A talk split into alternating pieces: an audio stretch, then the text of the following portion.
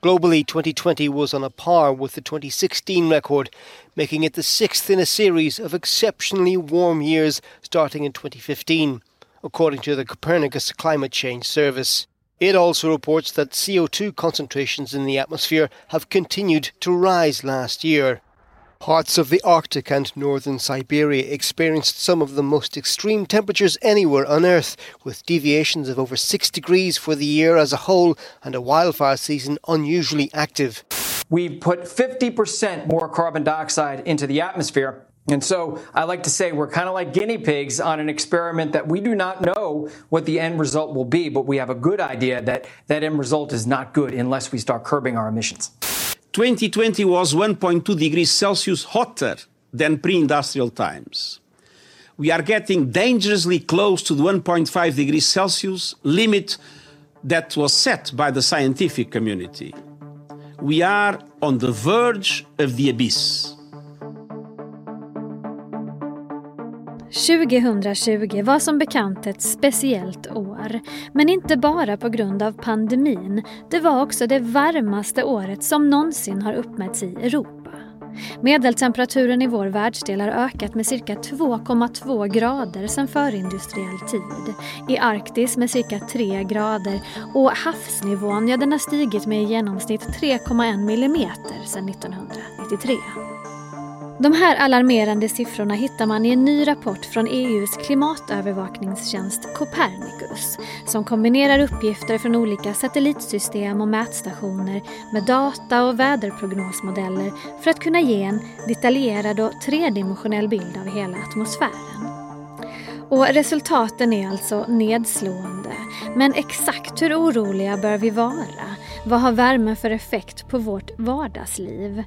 Varför hade inte pandemin någon egentlig påverkan på klimatet? Och går det överhuvudtaget att vända den här dystra utvecklingen? Det ska vi prata om i dagens Aftonbladet Daily. Jag heter Olivia Svensson. För att förstå de nya värmerekorden och vilka konsekvenser de får ska vi prata med Erik Källström som är professor i klimatologi vid SMHI. Han får börja med att förklara vad det är som är särskilt anmärkningsvärt med den här nya rapporten. Ja, den tar ju upp liksom och pekar på den långsiktiga klimatförändringen som är och nu är fokus på 2020 då, förra året och det var ju ett år som var eh, väldigt varmt och anmärkningsvärt varmt i, i Europa till exempel. Och det var varmt globalt men, men särskilt i Europa hade vi väldigt höga temperaturer, särskilt på vintern. Mm. Berätta om den här vintern 2019-2020. Varför blev den så varm? Ja, det var här uppe i, i Skandinavien och norra Europa så var det en kombination av faktorer. Dels så har vi den eh, liksom bakomliggande globala uppvärmningen som gör att det blir varmare eh, kontinuerligt och på sikt och liksom mer eller mindre hela tiden.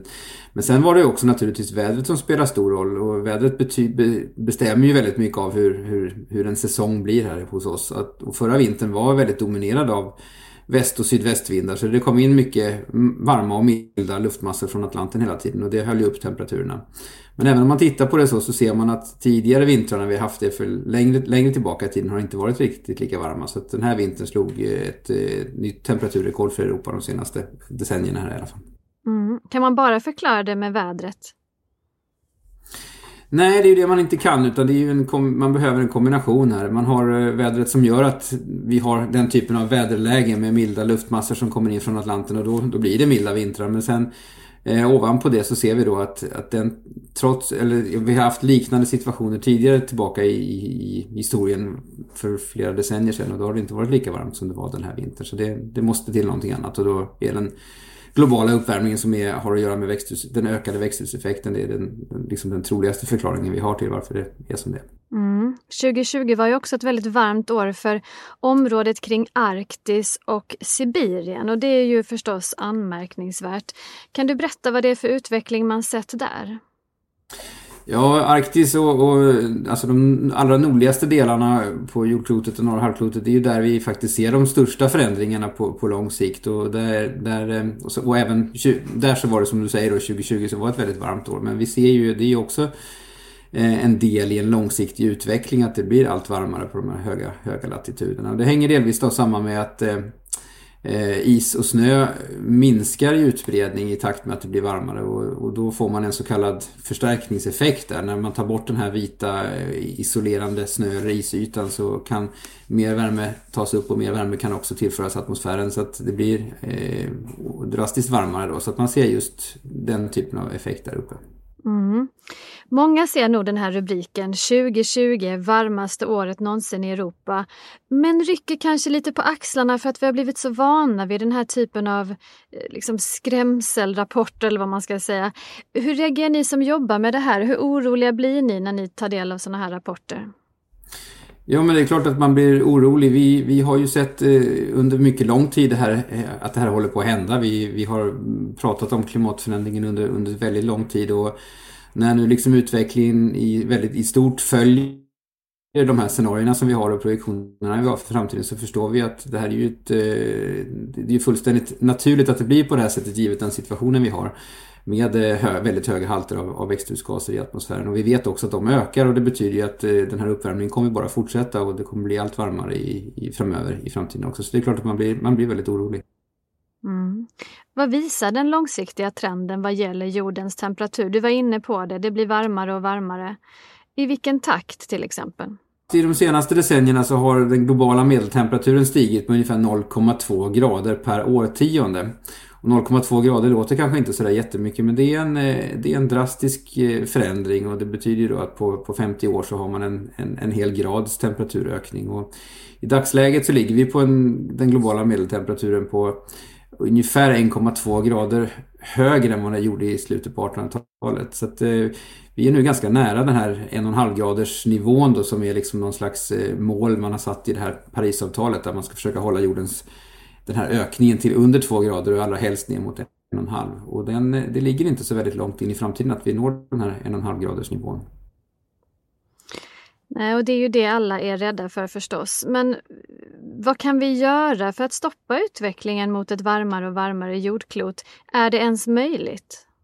Ja, det är absolut möjligt och, det är ju det som klimatscenarierna visar väldigt tydligt att om man kan eh, bryta trenden med ökande växthusgasutsläpp, framförallt koldioxid och framförallt att få, dessutom inte bara bryta trenden med ökande utan verkligen få ner utsläppen och minska dem kraftigt, då kan man, eh, då kan man definitivt påverka den här utvecklingen och få det hela att så att säga bromsa upp och, och, och plana ut den här kurvan med ökande temperaturer.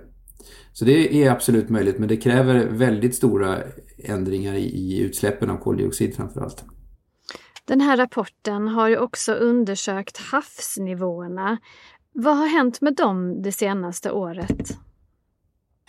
Det är väl lite där som med temperaturen också. Det är, det är en långsiktig trend vi ser och ända sedan början på 90-talet när man börjat mäta med satelliter och sånt eh, i tillägg då till de landbaserade kuststationerna som finns så, så har man haft en, eh, en ökning med ungefär 3 mm år, per år så stiger då havsytan. Och, och den, eh, den, största delen av det där det handlar om att det, det, är stora isar på, på land nu som smälter och där vattnet då rinner ut i haven.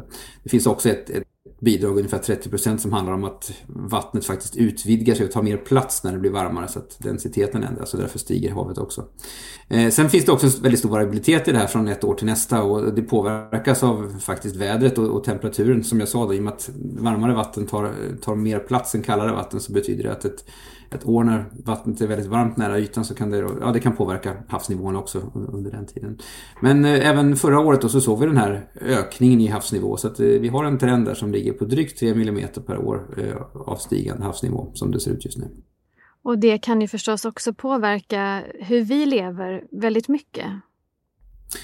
Ja, men det är ju självklart så att om havsytan stiger, när den stiger så, så, ställer det till problem i kustnära trakter och särskilt där det är låglänt. Och det är ju redan idag ett jätteproblem i, delar av världen som till exempel i, i Bangladesh där det är, är många miljoner människor som faktiskt bor i områden som regelbundet blir översvämmade och där man har stora problem med det här redan idag. Så det är klart att det är ett jätteproblem. Sen ser det olika ut på olika ställen och tittar man till exempel på Sverige då, där vi fortfarande har en, där vi har, där vi har en väldigt kraftig landhöjning då, i norra delarna av landet. Där, där ser vi ju inte att havsnivån ökar men det gör den däremot i södra Sverige faktiskt också. The amount of carbon dioxide pumped into the Earth's atmosphere was lower than scientists originally estimated for 2020. Researchers say the pandemic helped to keep the numbers down. But this isn't all good news. Scientists also warn that CO2 levels are at their highest point in 3.6 million years. The atmosphere is kind of like a bank account. So even if we put less money in this year, it doesn't mean that we see less money in the bank overall. It's like a savings account, it keeps accumulating, unfortunately. So, why did the slowdown caused by the pandemic not have a more positive effect on the environment? According to the Secretary General of the World Meteorological Organization, because the effects were temporary.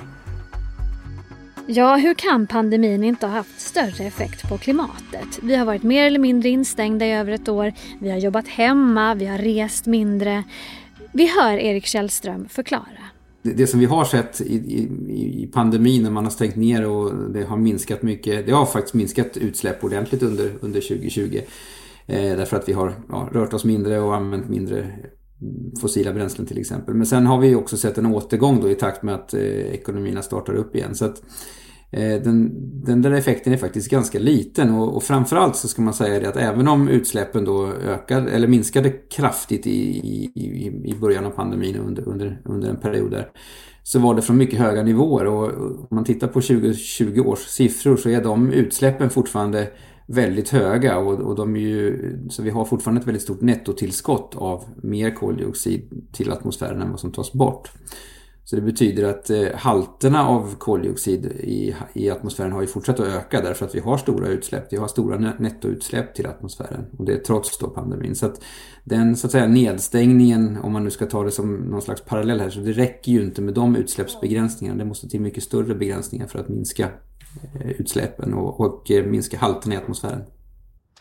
Ja, nu har du varit inne på det, men vad skulle behöva hända nu för att 2021 inte ska bli ännu varmare än 2020 och vi ska slå det här hemska rekordet igen? Ja, alltså nu ska man, för det första ska man inte stirra sig helt blind på varje enstaka år. Det är inget som säger att just 2021 kommer att bli varmare än 2020. För det finns också, som jag sa, en, en viss naturlig variabilitet i systemet. Så att eh, olika år är lite olika varma. Men Självklart så är det så att vi har en långsiktig trend och, och, det är mycket som talar för att 2021 eller något av de kommande åren här kommer att slå det här temperaturrekordet från 2020. Så det, det, det kan vi nog vara ganska säkra på.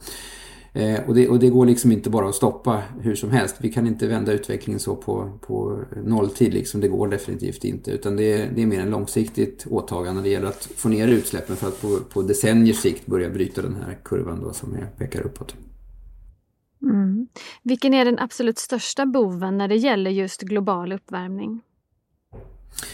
Ja, det är ju tveklöst så att det är koldioxidhalterna som är, alltså koldioxid, den, den ökade halten koldioxid i atmosfären som, som eh, är, det, är det kraftigaste bidraget till den så att säga, ökade växthuseffekten och det är det som driver upp temperaturerna. Att vi måste helt enkelt bromsa utsläppen av koldioxid till atmosfären och se till att mer kol stannar kvar i vegetationen och i marken och i berggrunden. Sverige upplevde ju också sitt varmaste år hittills 2020. Finns det några effekter av det som vi har kunnat se eh, i, i landet? Ja, jag har svårt att uttala mig om 2020 exakt och exakt vad som har hänt och sånt. Men man kan ju se långsiktigt så ser vi ju en, en, eh, en, en tydlig liksom omläggning, eller en omläggning, vi ser en ändring och förskjutning i våra säsonger till exempel. Och 2020 var ju inget undantag där. Det var ju den mildaste vintern vi har sett till exempel. Och det betyder ju då att eh, det var, ju, det var ju till exempel inte ens meteorologisk vinter i hela landet under, under, under delar av, under, under förra säsongen då, längst i söder så, så blev det aldrig vinter. Det, det händer ibland men det var ett ganska stort område som det påverkade. Eh, det blir också en mindre snö då i söder, en kortare snösäsong till exempel och vi ser också, ja, så det är den typen av effekter man ser då och kan, och kan titta på. Sen kan jag inte specifikt säga jättemycket om just 2020. Men är det den typen av förskjutning av säsonger som vi kommer att få vänja oss vid? Ja, och det kan man säga att det har vi redan sett. Det här är någonting som har pågått nu i flera decennier och vi har redan idag då en, en, alltså en längre sommarperiod. Vi har en kortare vinterperiod så det är ju någonting som är, är klart och tydligt med kortare snösäsong till exempel. Och sen under de här säsongerna också så har vi högre temperaturer så det är inte bara att vintern blir kortare utan den blir också mildare och eh, varmare generellt. Och så det är någonting som vi har sett och det påverkar ju då, ja, kan ha påverkat mycket olika saker som både samhället och olika näringar men det påverkar ju också naturmiljön då i allra högsta grad förstås. Sist här hörde vi Erik Källström, professor i klimatologi vid SMHI, Sveriges meteorologiska och hydrologiska institut. Jag heter Olivia Svensson och du har lyssnat på Aftonbladet Daily. Glöm inte prenumerera på podden så missar du inga avsnitt. På återhörande, hej då. Du har lyssnat på en podcast från Aftonbladet. Ansvarig utgivare är Lena K Samuelsson.